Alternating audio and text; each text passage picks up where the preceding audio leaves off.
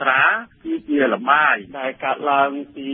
អាល់កុលហើយអាល់កុលតាមទីនេះគឺគេហៅអេតាណុលហើយនឹងទឹកហើយជាទូទៅយើងហៅថាស្រាឬក៏យើងមកយើងហៅថាតាមចែកទៅភាសាបារាំងគេហៅថាអាកុលនៅក្នុងភេសជ្ជៈយើងហៅភេសជ្ជៈដែលមានជាតិសូរ៉ាហ្នឹងបើគេបែងចែកជា3ក្រុមភេសជ្ជៈធំធំដែលយើងហៅថាស្រាបៀស្រាមិនបិទហើយនឹងស្រាបិទ បានថានេះយោងទៅតាមរបៀបដែលគេធ្វើឬគេផលិតទោះបីក្នុងស្រាបៀក៏មានអេតាណុលទោះបីក្នុងស្រាក៏មានជាតិអេតាណុលហើយអេតាណុលហើយដែលជាអ្នកធ្វើឲ្យយើងខូចសុខភាពជាអ្នកធ្វើឲ្យយើងស្រវឹងបើយើងហូបច្រើនចឹងដែរនោះវាទៅធ្វើឲ្យយើងមានបញ្ហាទៅដល់តម្រង់នោមបញ្ហាថ្លើមថាមានជំងឺថ្លើមមានជំងឺខ្លាញ់ថ្លើម នឹងទី1ទី2បើសិនជាកម្រិតអេតាណុលច្រើនទៅមកធ្វើឲ្យកោសាថ្លើមងាប់ហ្នឹងហៅថាជំងឺក្រិនថ្លើមមានបញ្ហាទៅដល់ខួរក្បាលអេតាណុលវាធ្វើឲ្យកោខួរក្បាលស្លាប់ខួរក្បាលហ្នឹងតាមធម្មតាវាកើតវិញទេតែស្លាប់ហើយហើយអញ្ចឹងហើយធ្វើឲ្យយើងនឹង ដែលឆៅឆាវថាមិនទៅចងចាំបទការចងចាំច្រើនអ្វីដែលលោកសាស្ត្រាចារ្យផ្នែកគីមីវិទ្យាភេងសាវឿននៃសាកលវិទ្យាល័យភូមិន្ទភូមិពេញ បានរៀបរាប់អំបញ្ញមិញគឺជាគ្រោះថ្នាក់ដែលបង្កឡើងដោយជាតិសូរ៉ាចំពោះសុខភាពមកលើអ្នកទទួលទានជាលក្ខណៈទូទៅមិនប្រកាន់ថាជាភេទស្រីឬក៏ភេទប្រុសទេសូមធ្វើការកាត់បន្ថយការទទួលទានសូរ៉ាឬក៏បញ្ឈប់ទាំងស្រុងតែម្ដងកាន់តែប្រសើរដើម្បីរក្សាសុខភាពសូមចងចាំថាការទទួលទានសូរ៉ាច្រើនកាលណាភាពរងគ្រោះមានកាន់តែធ្ងន់ទៅតាមនោះ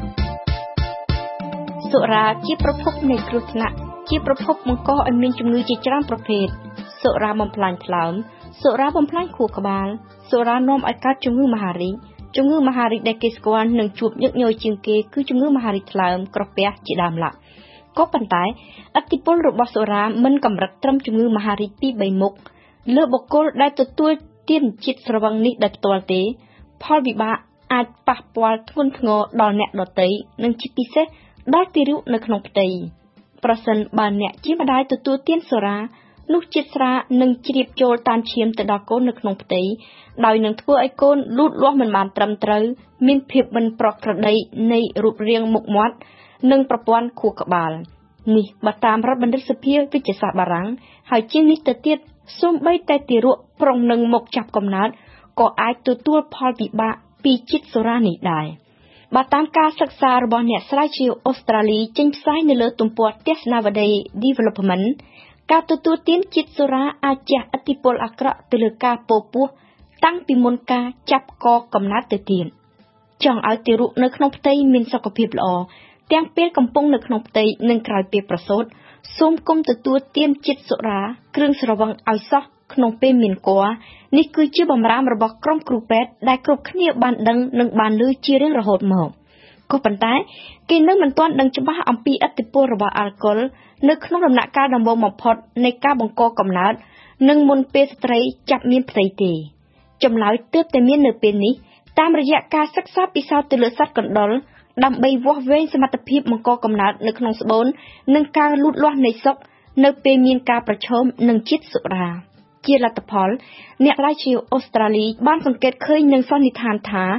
ការទទួលទានជាតិអាល់កុលនៅរវាង4ថ្ងៃមុននិង4ថ្ងៃក្រោយការបង្កកំណើត គឺការជួបរវាងមេឃជីវិតញីអូវលនិងមេឃជីវិតឈ្មោល spermatozoid អាចនឹងធ្វើឲ្យការលូតលាស់និងដំណើរការរបស់ប្លាសង់តាមានកម្រិតមែនទែនជាតិសូរ៉ាបានកាត់បន្ថយពន្យឺតការស្ថាបនាប្រព័ន្ធសរសៃឈាមនៅរបស់ប្លាសង់តាឬក៏សុក ដែលជាហេតុធ្វើឲ្យអម្ព្រីយ៉ុងមិនអាចទទួលអាហារូបត្ថម្ភបានគ្រប់គ្រាន់ គួរឲ្យភ្ញាក់ផ្អើលមែនទែនផ្លាសសង្តាននៃអំព្រីយ៉ុងញីហាក់ដូចជារសើបងាយទទួលរងឥទ្ធិពលអាក្រក់បំផុតពីជាតិអាល់កុលជាពិសេសតែម្ដងដោយអាចកាត់បន្ថយទំហំនៃសុកដល់ទៅ17%និងធ្វើឲ្យបាត់បង់សរសៃឈាមតូចៗនៅក្នុងសុកអស់ជាង32%ការបាត់បង់នៅក្នុងកម្រិតនេះអាចបំផ្លាញសមត្ថភាពរបស់សុកក្នុងការបញ្ជូនជីវជាតិពីម្ដាយទៅចិញ្ចឹមកូននៅក្នុងផ្ទៃយ៉ាងខ្លាំងនេះជាលទ្ធផលដែលគេសង្កេតឃើញនៅលើសត្វកណ្ដុរមែន ក៏ប៉ុន្តែវាមានចំណែកយ៉ាងសំខាន់សម្រាប់សុខភាពមនុស្សពីព្រោះវាបានបំភ្លឺឲ្យយើងយល់មួយភាគទៀតថាហេតុអ្វីបានជាទារកនៅក្នុងផ្ទៃដែលម្ដាយមានទទួលទានជាតិសូរ៉ាច្រើនតែកើតមកតូចស្រាលជាងកូនអ្នកដទៃបើតាមអ្នកស្រាវជ្រាវអូស្ត្រាលីនេះដដែលវាគឺជាការចាំបាច់ដែលជាសាសចង់ដឹងនិងយល់អំពីមូលហេតុដែលទារកកើតមកមានទម្ងន់តូចស្រាលជាងប្រក្រតីពីព្រោះ ការកើតមកតូច និងស្រាលពេកវាជាហានិភ័យនាំឲ្យមានគ្រោះប្រឈមទៅនឹងជំងឺនៅពេលចាស់ឡើង នៅពេលពេញវ័យដូចជាងាយមានជំងឺប្រឈមនឹងទឹកនោមផ្អែមលើសឈាមឬក៏ជំងឺធាត់ជ្រុលអតិពលអាក្រក់របស់អាកុលចំពោះកូនក្នុងផ្ទៃមិនកម្រិតត្រឹមលើរូបស្ត្រីជាអ្នកពោពោះតែម្នាក់ឡើយបរោះទទួលទានសូរ៉ាច្រើន ក៏នឹងអាចធ្វើឲ្យកូនកើតមកមានសុខភាពមិនល្អដែរនេះបើគេជឿលើលទ្ធផលស្រាវជ្រាវដឹកនាំសិក្សាដោយអ្នកវិទ្យាសាស្ត្រនៃសាកលវិទ្យាល័យចិនចុះផ្សាយនៅក្នុងទំព័រទស្សនាវដ្តី European Journal of Preventive Cardiology គឺជាការសិក្សាវិភាគអំពីតួនាទីនៃការទទួលទានសេរ៉ាមុនពេលបង្កកំណត់កូនរបស់បរិះដោយផ្អែកទៅលើទិន្នន័យនៃការសិក្សាចំនួន55 សម្រាប់អ្នកស្រាវជ្រាវមួយក្រុមនេះដើម្បីការពារកូនឲ្យកើតមកមានការលូតលាស់ល្អត្រឹមត្រូវពេញលក្ខណៈគ្មានបញ្ហាបេះដូងស្ត្រីនិងបរិះជាអនាគតមេដាបេដាត្រូវជៀសវាងកុំទទួលទានសូរ៉ាពេលសម្រាប់ចិត្តមានកូន ការទទួលទានស្រឿងស្រវឹងអាល់កុល3ខែមុនការសម្រេចបង្កកំណើតកូន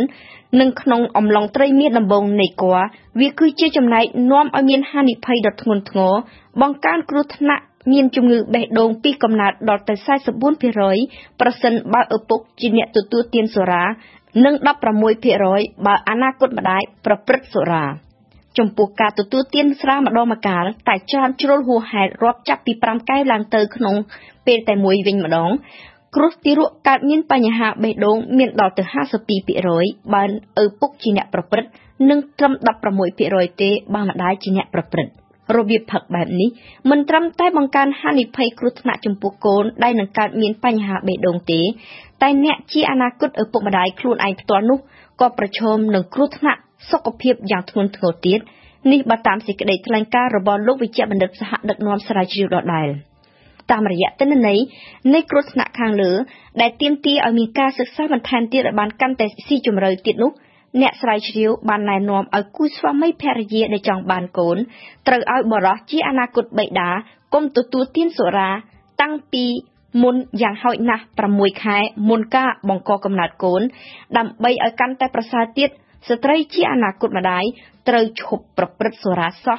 មួយឆ្នាំមុននិងមិនបន្តប៉ះពាល់ស្រារហូត ក្នុងអំឡុងពេលពោពោះទាំងជាង9ខែនិង10ថ្ងៃ។